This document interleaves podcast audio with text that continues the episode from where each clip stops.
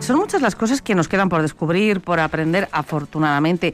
Nos hemos sorprendido y mucho. ¿Los neandertales hablaban? Bueno, parece que sí. Se lo vamos a preguntar a Javier Armentia, astrofísico, divulgador científico, director del Planetario de Pamplona. ¿Qué tal, Javier? Hola, ¿qué tal? Un equipo de investigadores eh, españoles de la Cátedra Otoacústica Evolutiva y Paleantropología de, bueno, HM Hospitales y de la Universidad de Alcalá han presentado las primeras evidencias paleontológicas, esa es la noticia, claras de la existencia del lenguaje de los neandertales.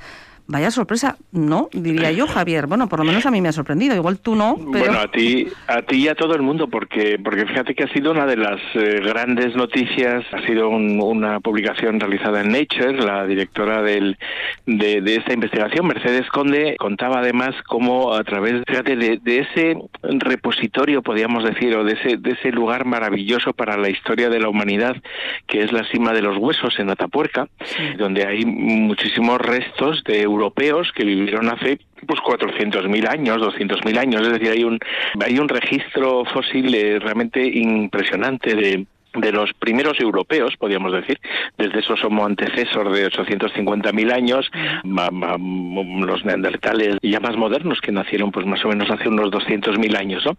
La, la cosa es que, fíjate, la, la paleantropología, el estudio de los eh, seres humanos antiguos, eh, se ha visto en los últimos años eh, em, ayudada por, por diferentes técnicas. Por una, la capacidad, por ejemplo, de reconstrucción virtual de los restos físicos, ¿no? Es decir, Sí. antes, em, a lo largo de toda la historia, pues fíjate, los primeros neandertales se descubrieron eh, a mediados del siglo XIX en, en Bélgica, en, en, en Gibraltar y cerca de Düsseldorf, precisamente en el, donde, cerca del río Neander, que es donde viene, de donde viene el nombre de Neandertal, ¿no?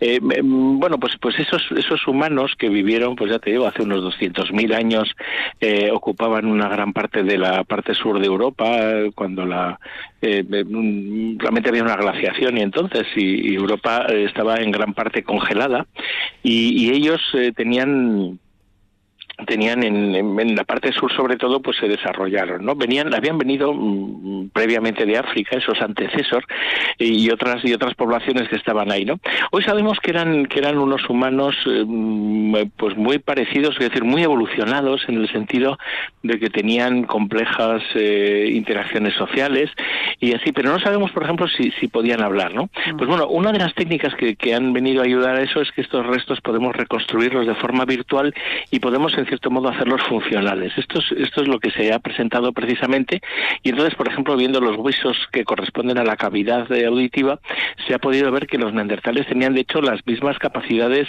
eh, eh, auditivas eh, en, en- en términos de lenguaje que los que, que tenemos los humanos mm, modernos, que no somos neandertales, al menos solamente una parte de, de, eh, de nosotros, pero bueno, nosotros somos sapiens, que nacimos en África mucho después y, y de hecho ocupamos ese espacio, eh, convivimos con los neandertales en Europa durante mucho tiempo, pero pero luego la cosa pues pues se fue acabando y nosotros nos quedamos sin los neandertales que tenían más capacidad craneal que nosotros eh, desaparecieron, ¿no?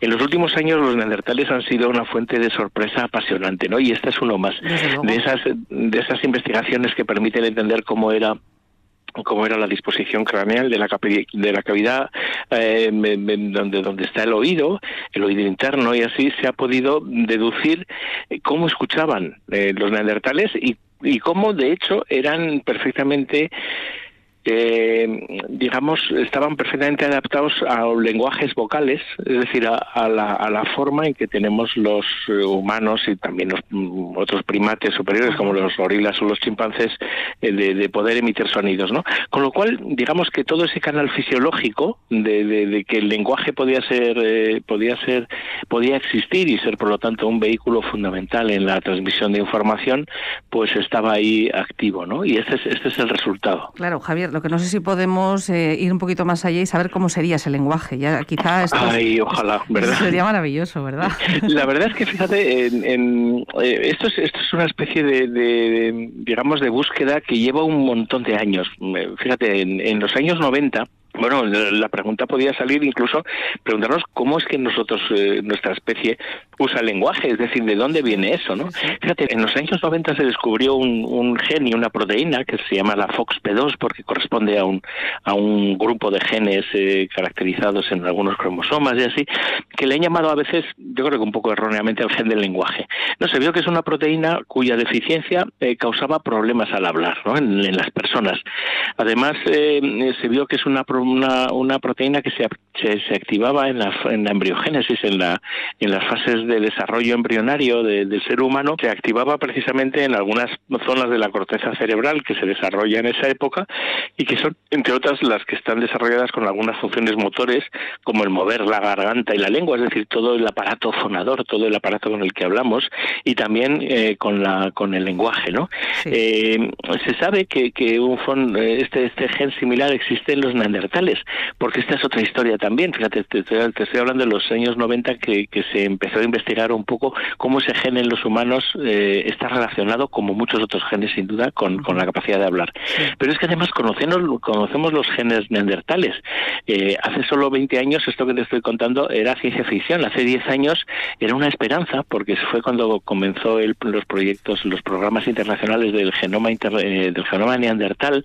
Y es que gracias a los, al análisis fino de los restos que hay de, neandertales en diferentes eh, zonas de, Europa, eh, se ha podido ir reconstruyendo el genoma de los neandertales, de la misma forma que hace 20 años se reconstruyó el, genoma humano, pues el genoma neandertal ha podido ser descifrado, ¿no?